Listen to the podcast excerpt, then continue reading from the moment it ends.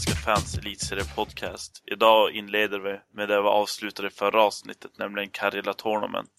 Eh, Sverige förlorade alla sina matcher, fick noll poäng. Var det här väntat? Eh, en aning. Eh, jag vet inte riktigt varför, men varje gång som jag har sett Sverige spela de här turneringarna så har man inte... Man får ingenting konkret utav det. Jag tycker mest man åker runt och lullar omkring på isen. Jag vet inte ens om spelarna börjar bry sig om den här turneringen.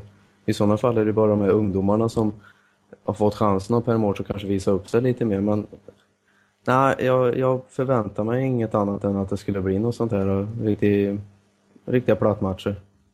Ja, alltså det är ju alldeles för dåligt. Det är tre förluster på tre matcher och totalt producerar vi fyra mål framåt. Det är riktigt uselt, verkligen. Det värsta är väl att man, man går i de här fällorna. Det, det är liksom inte som att någon är förvånad över hur Tjeckien spelar ishockey. Men ändå så går man på de här eh, långa öppnande passningarna och spelvändningarna som de kör med hela tiden och har gjort i all evighet. Mm, och trots det så kan man inte läsa det. Och det, jag tycker det är ganska talande för, för Sveriges insats överlag. Men tror du att det beror på att vi har haft en ung trupp eller tror du att truppen var dåligt förberedd av, av Mårts? Ja, det kan man ju blanda och ge av. Både att truppen är ung och lite mer oerfaren samtidigt som Mårts kanske inte hade, eller både Mårts och Popovic inte hade en bättre scoutning men det här är en turnering som ändå kommer i upprepning och man får ändå rätt bra förberedelse på vad det är för spelare man kommer att möta och vad Tjeckien har för spelsystem. De har ju alltid spelat så här som Erik sa och att man inte är bättre förberedda på det är ju det som egentligen är förvånande. Alltså, så, jag skulle inte vara förvånad om mycket handlar om motivationsproblem. Eh, jag kan tänka mig att många spelare själva tycker att turneringen inte är så viktig. Och då är det väl svårt att, att prestera ordentligt. Det kan mycket väl vara sant. Jag menar, det, som vi sa vid förra avsnittet är det väldigt lite prestige i, i de här turner turneringarna. Men det är fortfarande, på något sätt drar man på sig landslagströjan måste man gå ut och eh, man, man måste i alla fall kämpa. Man måste slåss för, för Tre Kronor på något sätt. Och det tycker jag inte att Sverige gjorde.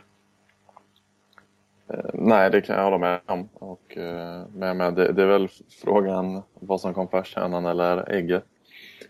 Beror prestigeförlusten på att det har gått dåligt eller går det dåligt på grund av prestigeförlusten? Om du förstår vad jag menar. Sagt, det beror lite grann på hur man vänder på det där. Eh, men det är en helt klart icke godkänd insats egentligen av... Det var inte så många spelare som i mina ögon gjorde en godkänd turnering. Och det var ju väldigt surt, speciellt för till exempel Gustav Westlau som, som eh, ska få göra lite, få ha en revansch mot Tjeckien där i inledningsmatchen. Eh, som vi förlorade med, var det 3-1 va? Mm. Det känns som att, jag vet inte, det fanns verkligen ingenting som gick, som gick vägen för, för Sverige. Samtidigt var man ju inte, jag tyckte ju personligen inte att Sverige var så fruktansvärt eh, dåliga heller. Inte mot Tjeckien. Där mötte man ju istället Alexander Salak som spelade fruktansvärt bra för Tjeckien och visade vad han håller för klass egentligen. Och det är ju då det kan bli lite så frustrerande när det är bara en man som står i vägen. Samtidigt som Tjeckien nu utnyttjade de här lägena genom att använda sin fart och skridskoskicklighet och för att öppna upp Sveriges egna zon och på så vis kunna sprätta in eh, tre mål på raken. Eh, och just en sån sak känns ju jävligt retligt med tanke på att Sverige inte var så himla dåliga som jag sa innan då. Men ju, då börjar man ju komma in på det här att är Sverige helt enkelt för dåliga offensivt för att kunna göra mål i sådana fall? För att oavsett vad man har för målvakt så ska man ju inte kunna bli helt förhindrade för att göra ett mål. Nej, alltså jag menar, kollar man på det Sverige, det Sverige saknade var väl kanske en riktigt utpräglad målskytt som kunde leverera. Fyra mål på tre matcher är inte okej okay på något sätt. Eh, så jag vet inte, men frågan är väl vad det blir för trupp till, till nästa turnering som då är i, i december. Eh, får väl se om, om vi kanske får ihop ett lite bättre, ett lite bättre lag då och lyckas. Det är ungefär lika mycket prestige i den turneringen så att det är väl, det är väl tveksamt tyvärr. Just nu så är det ju svårt att säga och skulle jag få lägga in en idé där så skulle jag gärna plocka fram att man eh, tar spelare som lirar ihop i samma kedjor i klubblagen så att man kan få lite mera konsistens, så att man har lite mer sammanhållning. Ta till exempel Per, Al per, Albrandt och eh, Karl Carl Söderberg i Linköping. De här två spelar, eh, spelar precis som de ska göra nu. Skulle man sätta ihop dem i landslaget så kanske man skulle kunna få lite mer eh, en liten högre robust på dem, att man får lite högre prestige. Samtidigt som man kanske tar in lite gnuggare som Joel Lundqvist, man har Fredrik Pettersson. Jag menar, det är också spelare som varit tillsammans i, i klubben i Frölunda förra året. Att eh, gå in på en sån bana tror jag skulle kunna vara en utveckling till att gå framåt. Ja, det tycker jag faktiskt låter som alltså en, en, en, bra idé. Eh, men jag kan, jag kan tänka mig i allmänhet så tycker väl inte klubbarna om att släppa så många spelare. Det är väl kanske, kanske där det kan eh, knipa lite. Men, eh, men å andra sidan, det är en möjlighet för, för spelarna att spela ihop sig ännu mer i så fall. Om, om tanken är att eh, fortsätta att spela dem tillsammans. Det beror lite på också vad det är för spelare man har tänkt släppa iväg. Om man nu tänker på Skellefteå då, till exempel med Melker Karlsson och Oskar Lindberg. Och Burström då som, nu får aldrig Oskar Lindberg, han var skadad, men jag tror att för Skellefteås del till exempel, där vore det bara bra att få släppa iväg dem på en sån turnering. Medan till exempel Frölunda och Joel Lundqvist är väl kanske inte, det kanske inte gynnar dem jättemycket. Så det beror på lite vad det är för typ av spelare man förväntas släppa iväg. För till exempel Melker, Melker och Oskar kan utvecklas mycket av mycket av att få vara med i en sån här turnering. Medan Joel har ju den erfarenheten och rutinen. Jag vet inte om han utvecklas jättemycket av att spela Karela Tournament. Nej, och det, på det viset har du ju rätt. Men där förstår jag hur Mårts tänker för att eh, precis som i alla lag så måste man ha en ledargestalt hela tiden och det är därför man plockar in de här veteranerna som man vet kan ta tag i saker och som ska leda eh, den nya generationen som träder in här i till exempel Oskar Lindberg eller Melke Karlsson. Och... Ja, alltså jag förstår absolut hur, hur det, det tänks från det hållet. Det jag menar är att Frölunda kanske inte har så jättemycket utbyte av att släppa Joel Lundqvist. Som Skellefteå skulle ha att släppa Melker och Oskar. Det är, väl, det är väl där skillnaden ligger. Att Skellefteå tjänar på det medan Frölunda tappar på det. Lite grann. I, om man jämför de två lagen. Jo, det, jag kan hålla med om det. Men eh, samtidigt om man går på den punkten som, som jag nämner helt enkelt. Det, just den biten är ju Mårts rätt eh, stenhård på att man måste ha de här ledarveteranerna. Och Frölunda, de skulle ju tappa oerhört mycket till exempel om nu Lundqvist skulle bli skadad. Men det är ju också ett tillfälle att kunna, kunna plocka upp juniorer då, om man nu väljer att gå på det spåret för en gångs skull. Men eh, ja, nej som sagt, det, det finns ju lite ge och ta från båda sidor där också. Så. Det absolut. Vi får helt enkelt hoppas på att det blir en lite, en lite bättre turnering nu i december. Nej men det, absolut, det kan väl egentligen inte bli... Eller ja, säm, sämre kan det väl i och för sig bli. Det blev ju inte... Det var ingen eh, så här eh, riktig torsk som vi hade mot Finland här för, var det något år sedan. Men nej, noll eh, segrar är eh, absolut inte okej okay för Sverige oavsett om det är en pajasturnering eller inte. Ja, det satt alltså en stämpel på Karilla Tournament. I vilket fall så kanske vi ska lämna det nu det känns som att avhandla det området och gå vidare till lite mer elitserierelaterade ämnen. Och kolla lite grann. Det har varit en hel del, eller en hel del, det har varit en värvning och ett par stycken rykten som råder just nu. Och värvningen är då Perjele till, eh, till eh, Luleå. Tror ni att det kan vara bra för Luleå att få in en sån spelare? Ja, absolut. Han är ju, alltså vad ska man säga, han är ju en stabil poänggörare. Han, eh, Gjorde en jättebra säsong i eh, Frölunda innan han stack över till eh, KL. Gjorde väl 22 mål. Eh, å andra sidan så ska man väl komma ihåg då att han spelade tillsammans med Olimbo och Fredrik Pettersson väldigt mycket. Och då, då kanske det är lätt att göra de där poängen. Men, eh, men med, ser man tillbaka på, på hans alla säsonger så är med, det, det, poängen kommer ju, så är det ju. Och eh, nu senast så spelar han väl med Klasen i alla fall en del tror jag ja, jag tror det kan funka. För är det någonting som Luleå behöver förbättra så är det sitt målskytte. Ja, det känns som att en, eh, en poängplockare till Linus Klasen har vi inte riktigt utvecklats till, till det man har hoppats. Så att, att få in någon mer som kan stänka in, stänka in något mål eh, är ju precis det Luleå behöver. De har ju seriens bästa defensiv, ganska överlägset enligt mig. Men saknar ju en hel del framåt. Så det känns som att den här förstärkningen kan vara, kan vara helt rätt väg att gå. Ja, jag håller ju med. Eh, Pyrele gjorde ett riktigt bra, Eh, riktiga bra sessioner i Frölunda och framförallt med just den kedjan som du nämner Erik, eh, popkedjan som de populärt kallades. Och att eh, få in en sån spelare i Luleå anser jag också som att det kan, det ses väldigt nödvändigt med tanke på att deras målskytte inte är direkt framgångsrikt i dagsläget. Men jag är ändå ifrågasatt över att man tar in honom på grund av att man har redan tillräckligt, man ska redan ha tillräckligt med spetskompetens för att göra de här målen som man eftersöker. Ändå gör man inte det. Och plocka in en spelare till, kanske för att väcka laget. Okej, okay, jag köper det, men det kommer inte att hålla i längden. Men det du säger att man har spetskompetensen som krävs för att göra fler mål, vad tror du är som saknas? Eller vad tror ni att det är som saknas? Jag vet inte. Kanske lite mer självförtroende hos spelarna. Jag menar, man hade ändå en bra start i början på den här säsongen och man var lite mer eh, målrika så att säga. Nu har man, hamnat till, nu har man liksom halkat tillbaka på samma spår som man avslutade med förra året. Och jag vet inte riktigt vad det kan vara, om det är självförtroende som sviktar lite. Och det kanske är de här eh, storstjärnorna som Klasen och bröderna Abbott som inte riktigt eh, känner att de har tillräckligt med att, leverera i dagsläget. Just en, en, en dipp i själva, form, i själva formkurvan om man säger så. Men eh, ja, det är en svår eh, besvarad fråga. Är det.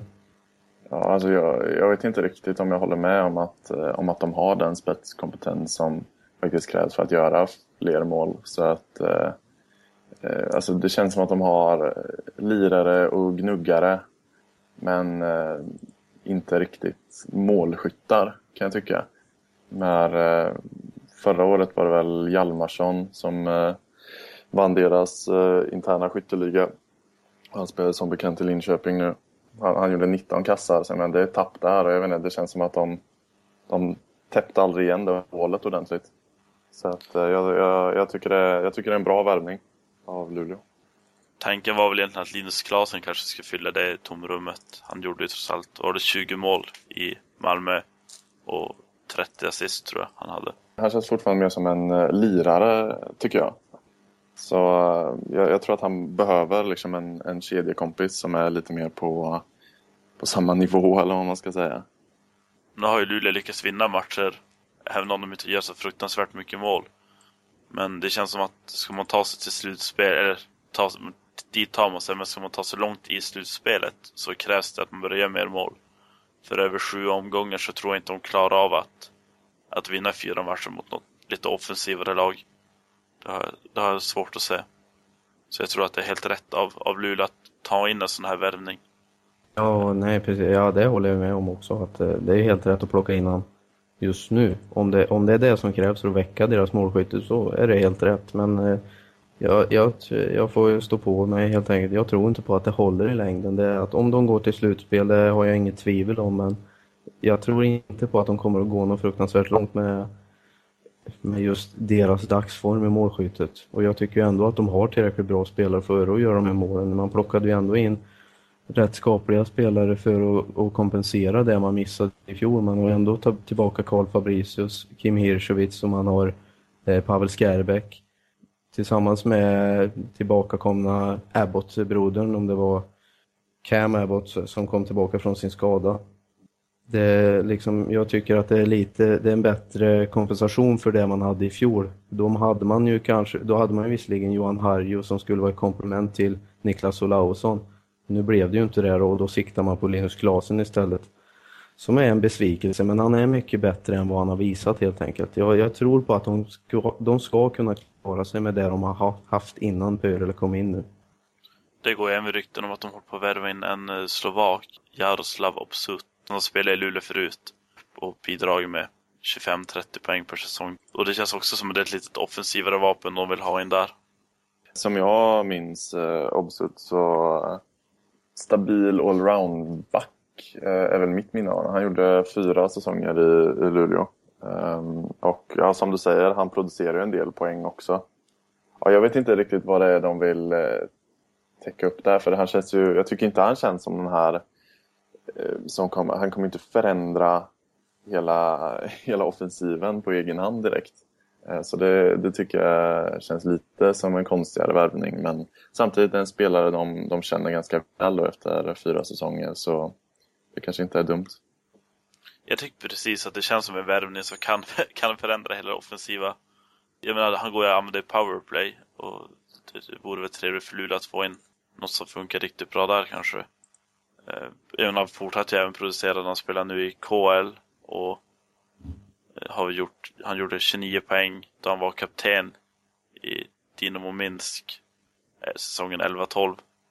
Det känns som att eh, kan man prestera sagt på den nivån så kommer det förmodligen kunna funka ganska bra i elitserien också. Så att en, en till offensiv värvning av, av Luleå.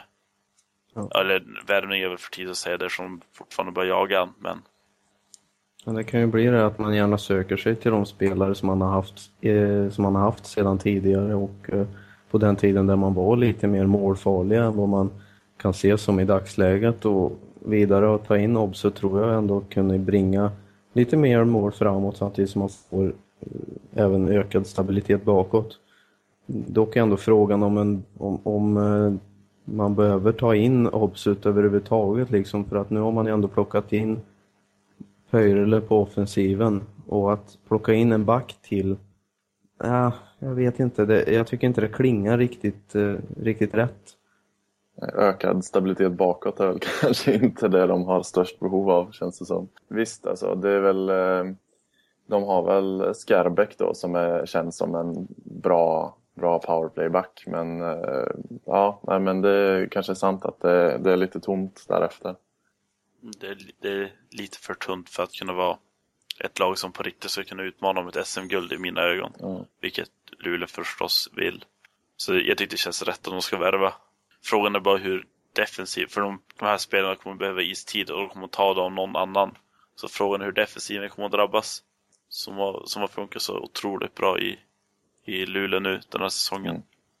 Ja, det skulle ju vara det då om man Eftersom både Olaovic, eller eh, Fransson, Johan Fransson och eh, Hirschwitz kanske har fokuserat lite för mycket på defensiven så skulle det här ge ett utrymme för dem att gå mer på offensiven med tanke på att nu har man, eh, om man fick in en extra back som kan gå in på den defensiva rollen och variera lite fram och tillbaka. Det, det skulle kunna vara ett komplement till det då.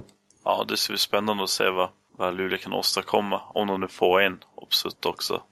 Det är för övrigt ganska talande att eh, när jag tänkte på powerplay-backar i Luleå att jag inte ens kom att tänka på Johan Fransson. det säger en del om hans säsong hittills.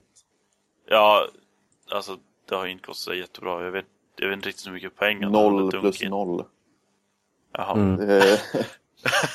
så ja, det, det, det kanske är rätt som sagt att, att, uh, försöka få in någonting mer på en offensiv backplats. Ja. Nämnvärt är ju att han hade, jag tror om de räknar rätt så var det Johan Fransson som hade fem skott mot mål i den senaste förlustmatchen mot Linköping. Eh, fem skott på mål ifrån en sån offensiv back. Visst, det, är jättebra att han får fram dem, men eh, man måste ju sätta dem också. Det, är just det. Det har inte lossnat för honom helt enkelt. Det är ju nästan otroligt att en, en back som, som Fransson inte har fått poäng. Mm. Och är det 21 spelare matcher har han tror jag.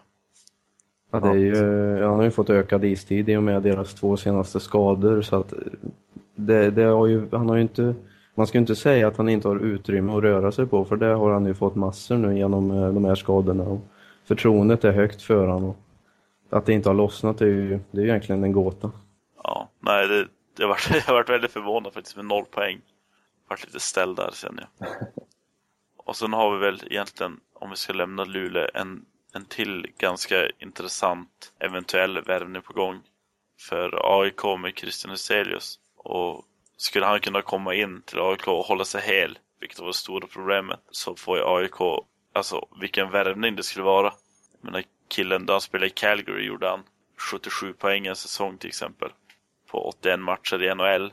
Kan man bara tänka sig vad man kan göra i elitserien. Om man lyckas hålla, han har ju varit skadedrabbad. Slet väl av en bröstmuskel och sen eh, Sen var det väl Ljumsken som började strula efter att han kom tillbaka och spelade två matcher tror jag, förra säsongen.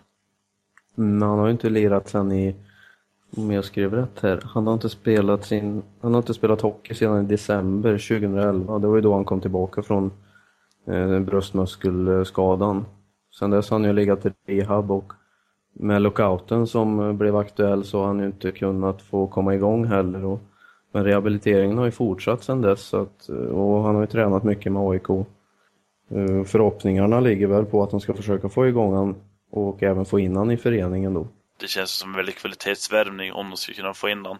Eh, AIK som kanske också är i behov av, av att göra någonting för att vända lite grann på det här, på steken. Jag menar, AIK har ju varit väldigt bra de senaste två säsongerna. Men det känns ju som att den här säsongen så ska de ta sig lika långt som de har gjort tidigare så ska jag bli väldigt förvånad. Ja, alltså AIK, det, det insåg man ju nästan redan innan säsongen startade att eh, de lyckades inte eh, täcka upp de spelartapp de hade. Mm. Men jag menar, om, om de nu skulle få in eh, Huselius så, så tror jag det skulle kunna bära ganska långt. Liksom. Det, jag tror inte att det kommer göra att de skjuter upp till topp fyra det skulle kunna bli en slutspelskandidat i alla fall. Ja, definitivt. Jag menar, de, de har ju säkert ganska sargat självförtroende nu. Ja, jag vet inte, det känns... En spelare skulle kunna rädda dem sådär. Tappet av Viktor Fast känns lite för tungt.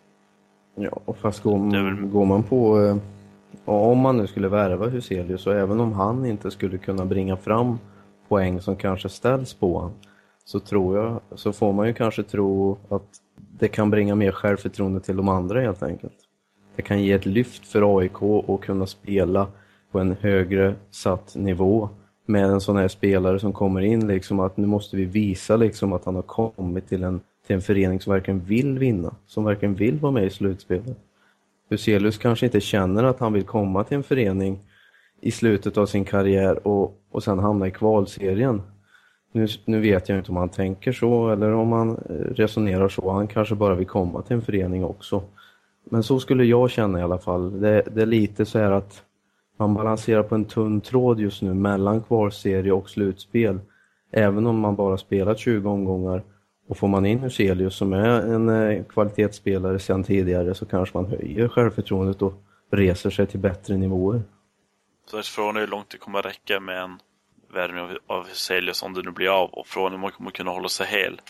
Ja, skadebenägenheten är ju eh, oerhörd och jag tror att skulle han inte hålla så är det nog slutet på hans karriär så det är även en riskvärvning även om Gossi verkar vara positiv till att försöka få in honom. Det är ju en kvalitetsspelare som producerar väldigt bra i, i NHL. Ja, senast han var i Sverige var väl under förra lockouten när han spelade för uh, Linköping. Precis. Och sen ju 34 matcher och uh, skrapade ihop 49 poäng. Det är ja, fruktansvärt bra plus 20 i plus minus statistiken också. Mm. Det är rätt okej. Okay. Ja, det får man nog säga. Jag menar, det, det, det, är en riktigt bra spelare. Det är ingen snack om den saken. Men frågan är hur mycket han kan göra för AIK om det räcker. De har, det, åtta poäng upp till, till Modo som ligger åtta. Tror jag, om jag inte minns helt fel. Jag har inte tabellen framför mig. Ja, nej, men, men äh, som sagt, jag tror, jag tror absolut att det skulle kunna ge den boost som behövs för att äh, klättra uppåt i tabellen. Men äh, som sagt, det, det, är klart att en spelare kommer inte kunna bära hur långt som helst. Men jag menar, Pirnes tillsammans med, med Huselius tror jag skulle kunna funka väldigt bra. och jag menar, mer mål framåt så ökar ju chanserna att vinna. Ganska enkel matematik där. Ja, det är enkelt med hockey. Ja, tur det. Eh, ska vi ta sista värvningen, eller sista ryktet i alla fall, som, som vi har på listan här. Och det är att Linköping är på jakt efter Lee Goran för att möjligtvis ersätta Andreas Jämtin som gick till HV. Vad, vad tyckte ni om den eventuella värvningen? Det, det, är lite intressant nu eftersom att då det är min klubb, om man får säga så, som vill värva honom och han har spelat i båda era klubbar. Eh, men, eh, men jag får spontant säga att jag tycker att det vore en, en jättebra värvning. Dels för Linköping som saknar en så tung, elak forward som både kan producera och framförallt liksom inge respekt i, i motståndarna det blir extra viktigt när man kommer till slutspel sen. Eh, och dessutom så är med, det, det är ju en profil. Det är en sån spelare som gör att det blir lite, lite intressantare att kolla på elitserien överlag. Ja, för två år sedan så, eller tre år sedan skulle jag kanske sagt att eh, jag hade inte hållit honom högt i mina aktier men nu som han har utvecklats och blivit en mer eh, poänggörare och härförare än vad han är en eh, buse så gör det honom till en eh, riktigt eh, bra värvning för Linköping. Särskilt som han eh, har tappat lite i sitt fokus och sitt spel i angående poänggörarna i vad blir det, andra och tredje formationerna. Som sagt, Ligoren är en väldigt intressant spelare och skulle han komma tillbaka till elitserien så skulle det ju höja statusen lite mer på, ja, inte bara på Linköping utan som du säger Erik, på hela ligan. Det, det är en väldigt rolig spelare att se på. Eller man vet ju att det alltid kan. Det skulle alltid kunna hända någonting Ja, när han är på isen. Och i fjol han fick bara 40 utvisningsminuter med Skellefteå och gjorde 39 poäng. Vilket är det bästa han har gjort i elitserien. Så jag, jag tror att det kan bli, jag tror det kan vara helt rätt för, för Linköping, även om de redan gör ganska mycket poäng. Men eh, ja, det, jag tror det kan bli kul. Men frågan är, fyller han samma funktion som Jämtin? Det tycker inte jag riktigt att han gör. Nej, det ska jag inte påstå, men, men, eh, men det, är ju, det är ju lite olika spelare visserligen. Men samtidigt så, så tror jag det ändå är en spelartyp som Linköping behöver. Jag menar, han, han, ja, men han, som sagt, det här med, jag tror att det här med respekt är, är väldigt, väldigt viktigt faktiskt. Jag menar, det, och om han ser en, en medspelare bli, bli, felbehandlad så då kommer han vara det här ganska snabbt. Eh, det är väl lite hans eh, signum. Han är ju 94 kilo och 1,90 lång så ja, men jag, tror, jag tror han är viktig av den anledningen. Medan Jämtin har ju varit mer en retsticka liksom. Han spelar, han spelar ganska tufft men, men han är liksom, ja, det, det blir lite annorlunda där tror jag. Intressant fråga. Fungerar han under Melin? För det blir hans, skulle han gå till Linköping så är det tredje tränaren nu som, eh, som han går under. Han har varit under Tommy Samuelsson, han har varit under Anders Forsberg och nu skulle det bli Roger Melin. Hans taktik, hans spelsinne, skulle det funka med Ligården? Ja, jag, jag säger... Jag vet inte riktigt varför det inte skulle göra det. Nej, alltså Melin eh, tycker väl om att liksom lyfta fram eh, fart och offensiv. Eh, och jag menar, Goren är ju, jag menar, han, han är ju inte en, en lat spelare på något sätt. Utan han, han jobbar ju hårt och, och sådär. Så att det, det tror jag absolut skulle funka. Det är väl lynnet då möjligtvis i och med att eh, Linköping har gjort sig av då med två spelare. Eh, troligtvis av anledningen att de inte riktigt klickat med övriga laget. Så det är möjligtvis att det skulle kunna vara där det, det skär sig. Men samtidigt så tror jag att man har gjort sin hemläxa om man är sugna på att värva honom. Mm, men det är just det jag tänker att speltaktiken är ju, om man går mellan Tommy Samuelsson och Anders Forsberg kontra Roger Melin, det är ju rätt lika eh, speltaktik. Alltså man vill ha fart och offensiv. Man ska ju inte låta motståndarna få chansen utan det är ju det är ens egna lag som ska spela sig ur situationen och utnyttja sin kapacitet. Och, och just den faktorn så tror jag också på att ligåren kommer fungera. Men jag vill ju ha era åsikter först då. Så. Jag ska även tillägga, han har ju varit under Perra Jonsson också. Första året han var i Sverige. Där, Så var ju Perra tränare för Skellefteå. där har vi också eh, en, eh, En, en tränare som verkligen eh, framhäver att man ska spela sig ur på att man inte ska låta motståndarna utnyttja sina egna misstag utan att de ska få göra jobbet själva precis som det egna laget, egna laget ska göra det själva. Ja, jag, jag tror att han kommer kunna passa bra in i, in i Linköping. Menar, han funkar bra i Skellefteå. Han har funkat bra, i Färjestad förutom den där lilla incidenten. Den lilla Eh. Facebook-incidenten. Ja, Om man lägger den åt sidan. precis. Men eh, i vilket fall så, så tycker jag att det är en kvalitetsspelare. Jag menar, det- gick bra för, jag tyckte det gick bra för den Pelicans också. Han spelade i finska ligan, men han fick ju inte fortsatt förtroende där. Det det gick dåligt för klubben och de tyckte väl inte att han hade levererat så som önskat kanske. Men eh, jag tror att det kan bli spännande för, för Linköping om de får en han. han. Han är ju ganska dyr, som jag har förstått det. Frågan är om de ekonomiska musklerna finns. Ja, å andra sidan så har man ju frigjort då eh, Jämtins lön som eh, inte var, det var inte gratis. Nej, det är förstås sant. Så att jag, jag tror nog inte att det ska vara problem. Och jag menar, möjligheter finns ju också att ta honom på artistkontrakt misstänker jag. Men vi får väl se hur de har tänkt. Det, det blir spännande. Ja, det ska bli kul att se. Eh, ska vi lämna alla övergångar hit och dit och prata om något som är lite tråkigare kanske. Eh, och det är att vi har väldigt låga publiksiffror runt om i landet. Och vad beror det på egentligen? Vad tror ni? Så jag personligen, om jag får eh, gå ut på ett rant här. Ehm, att jag tycker det, den här oron känns lite överdriven. Eh, först och främst så eh, ofta så tycker jag att man jämför fel siffror. Då det är viktigt att jämföra årets siffror med förra årets siffror efter lika många spelade matcher. I och med att ser man tillbaka så stiger i allmänhet publiksiffrorna allt efter säsongen eh, lider mot sitt slut. Eh, och om man då kollar på de siffrorna så är det bara tre klubbar som har backat med mer än 100 åskådare per match hittills. Eh, om man jämför med förra året då. Det är Frölunda som är väl nästan 1800 back. Färjestad som är 640 back. AIK som är drygt 800 back. Eh, resten av lagen ligger alltså, nästan oförändrat. Det är mellan minus 91 och plus 254. Eh, och då är inte Rögle med då, eftersom att de spelade i Allsvenskan förra året. Men de har ju såklart förbättrat sina siffror i och med det.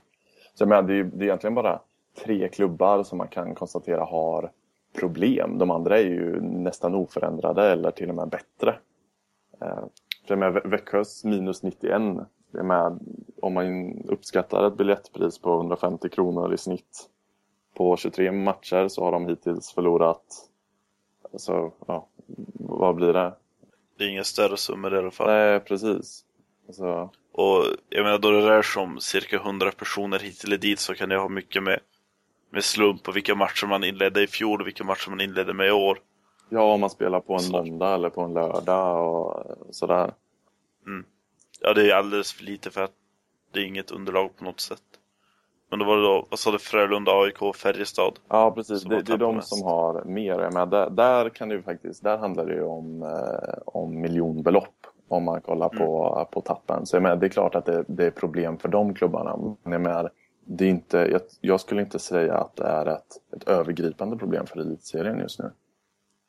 För AIK beror det säkert mycket på att de tappade Djurgården också. Det försvann det ju ett par matcher med ganska mycket publik. Ja, det är sant. Eh, och jag menar samtidigt, det har inte gått så bra för dem heller och det hjälper väl knappast att få... Nej, precis. Så, eh, och sen har det varit mycket snack om att jag har läst, jag vet inte hur många artiklar, där de skyller på att vi inte har en NHL-spelare. Och att det, att det är det det beror på, att vi har så dåligt publiksnitt i, i elitserien och att det växer överallt annars i Europa.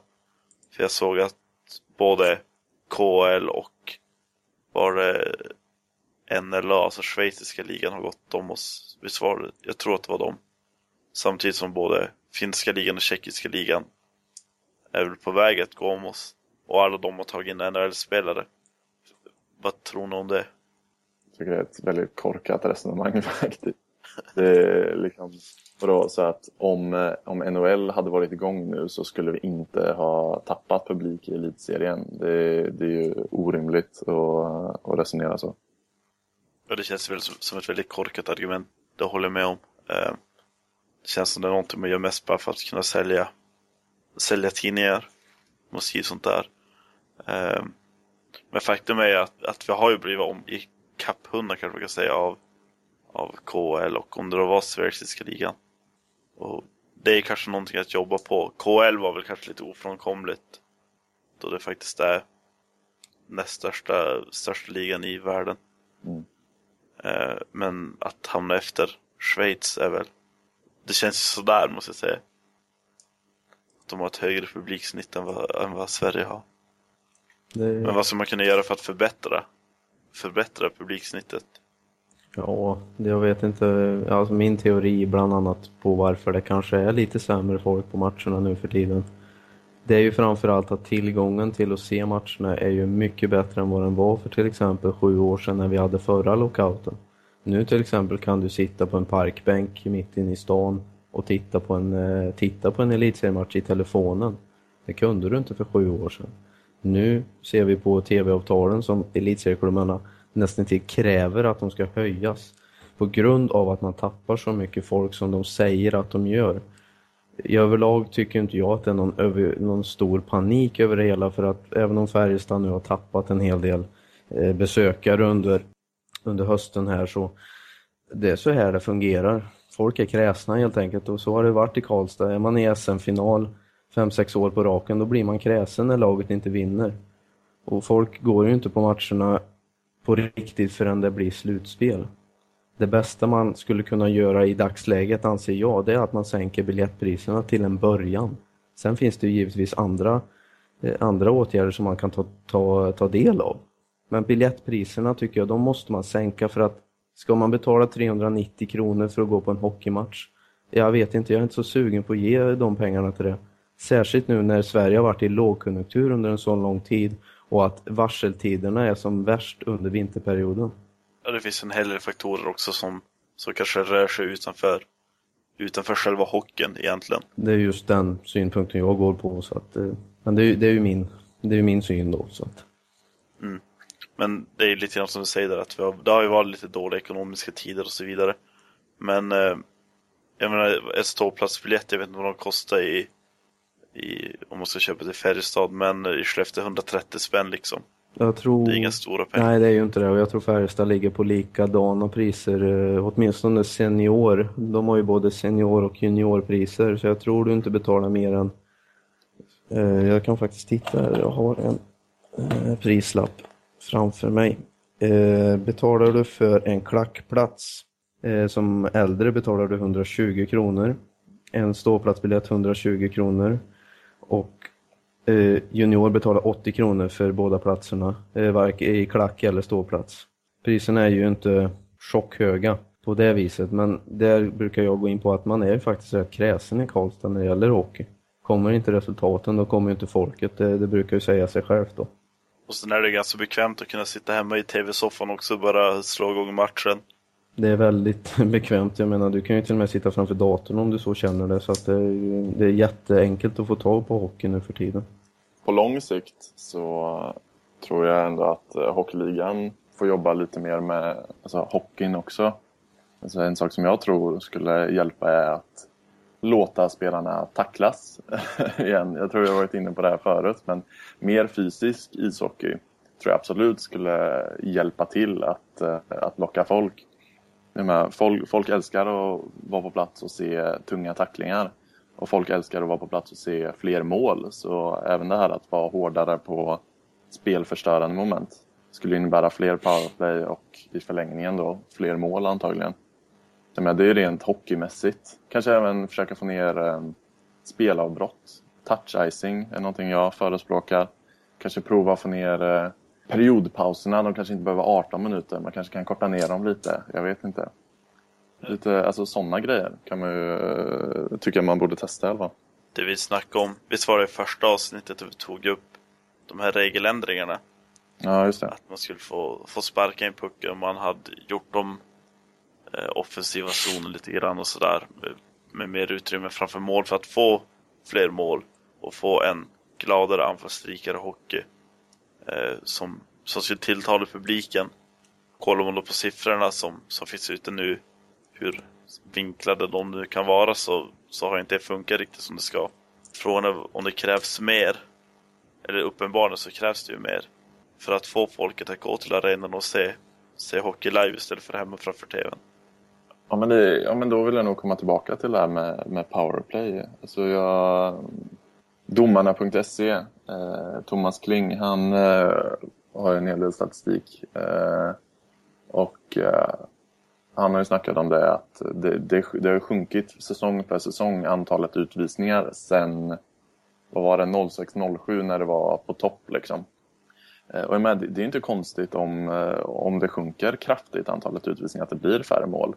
Så jag, jag tycker absolut att, eh, att det är en, en punkt att, eh, att börja på tänkte bara fortsätta på det du sa, att om utvisningar nu har sjunkit så är ju det väldigt ironiskt med tanke på att vi nu har fyra domare i varje match. Och de, den åtgärden tog man ju till för att det skulle bli fler utvisningar. Att man skulle kunna ha bättre koll på spelet och alla spelförstörande moment. Det beror på var man ska plocka utvisningar också. Något som finns så är det väl, det är väl två väldigt splittrade läger. Det är ju om de ska tillåta slagsmål eller inte. Mm. För det är något jag är tämligen säker på att om de skulle göra det så skulle det dra mer publik. Ja, det blir ju något liksom, man, man slipper det liksom. eh, Det kan ju bli väldigt gnälligt till exempel om det blir ett slagsmål i en match. Där får vardera spelare kanske 10 minuter att sitta och lugna ner sig. Varav i nästa match kanske två stycken slåss, inte ens slänger handskarna och får matchpenalty båda två. Jag menar det finns så mycket variation bland de här incidenterna så att om man hade en klar regel så tror jag också på att det skulle dra mer folk. Det var ju som att eh, det är en NHL-expert som har sagt det här flera gånger att folk går hellre på en hockeymatch för att se slagsmål än att undvika dem. Alltså man, man går dit för att se på dem hellre än att stanna hemma för att slippa dem. Det är ju, Det tror jag. det är ju solklart. tror jag också stämmer. För speciellt om man följer både NHL och Elitserien så, så, så märker man ju att i NHL då det blir slagsmål, publiken går ju verkligen igång på det där. Och jag, jag tror att det ska funka likadant i Elitserien om man tillät slagsmål. Nu, tycker jag i och för sig det är lite vanskligt att, eh, att jämföra NHL och elitserien så eh, rakt av. Det det är kulturella skillnader och sådär också i och för sig. Men eh, ja, visst, det, det är möjligt att det skulle hjälpa. Men sen, ja, jag vet inte om det är rätt väg att gå, men det är i alla fall förmodligen en väg att gå. En sak som slog mig eh, nu är det här med speltiderna. Ehm, Alltså man kanske borde testa och justera dem lite så att eh, om jag säger tisdagsmatcherna att eh, börja dem vid halv sju istället så kanske enklare att få dit till exempel barnfamiljer och sådär som inte riktigt har lust att komma hem vid halv tio, tio på kvällen efter en match. Mm. Det, det kanske skulle kunna locka lite fler publik. Eller fler matcher på fredagskvällar. Det är ju ganska sällan det, det är matcher då, men det kanske skulle funka. Jag vet inte. Lite after work-erbjudande också. Ja, men precis. Det är väl eh, skitsmart. Det ska faktiskt vara perfekt after work hockey. Ja, Det lät ju som en riktigt bra idé. Vi ger ju- den idén till Hockeyligan nu. Det är, Folk får sälja. det är ju så ljuvligt bara känna yes, nu är det helg. Vad ska man göra? Ja, det är ju hockey ikväll. Ja, men då går vi på hockey va. Ja, det, det vore perfekt. Bara traska ner till arenan om man har den tillgången liksom. Det, det skulle vara underbart. Jag skulle tycka att det var underbart. Eh, nu börjar tiden rinna ut lite grann här så jag tror vi får avrunda om det inte är någon som har något mer att säga. Så går vi vidare till våra toppar och floppar. Min topp, jag börjar där och då måste jag faktiskt nämna som sagt mitt inom Hartans eget lag, Skellefteå AIK och insatsen mot Rögle där de hade 7-0 efter drygt 31 minuter spelade. Och sen tempot gick väl ner men vilken hög högsta nivå Skellefteå kan ha. Det är roligt att se. Och min flopp det är hur AIKs styrelse sparkar assisterande tränaren Ander, Anders Hultin utan att prata med Perra Jonsson, huvudtränare. Det kändes väldigt konstigt tyckte jag. Jag plockar upp där och tar min topp. Jag tycker att Växjös framfart är värd att nämna med tanke på att de har spelat lite gladare hockey och de har vunnit diverse matcher. Jag tror att innan eh, senaste förlusten så hade man tagit poäng i sina fem senaste matcher och det börjar faktiskt bli mer likt det man hade från förra säsongen. Jag tycker det, det är riktigt bra gjort. Det är lite Hallam-effekten har tagit fart där. Eh, min flopp är Jakob Johanssons tackling på Per-Johan Axelsson i Frölunda och jag förstår inte att hans illdåd inte tas upp som anmälan och jag tycker att inom svensk hockey så borde man skämmas eftersom man inte gör det här. Det är en vidervärdig tackling enligt mig och det, det ska bara inte förekomma. Fy! Ja, jag är väl lite inne på samma spår som eh, Anders här. Eh, min topp är eh, Skellefteå som är rena rama maskinen. Man är formstarkast i elitserien nu med sex raka segrar. Eh, Jocke Lindström har gjort poäng i sex raka matcher. Holloway gjorde hattrick senast och så vidare. Det är fruktansvärt imponerande att- se hur de bara jobbar på. Eh, Och min flopp då blir eh, Rögle. Inte bara efter eh, nu debaclet senast utan överlag så levererar inte deras tänkta spetsspelare. Och med nuvarande poängsnitt så kommer de landa på 45 poäng vid säsongens slut.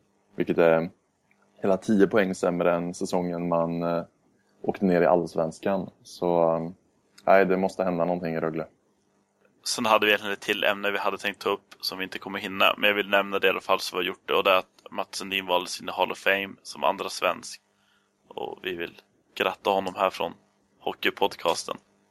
Eh, Det var allt vi hade för den här gången. Tack så mycket så ses vi igen på två veckor. Hej då. Hej då. Hej!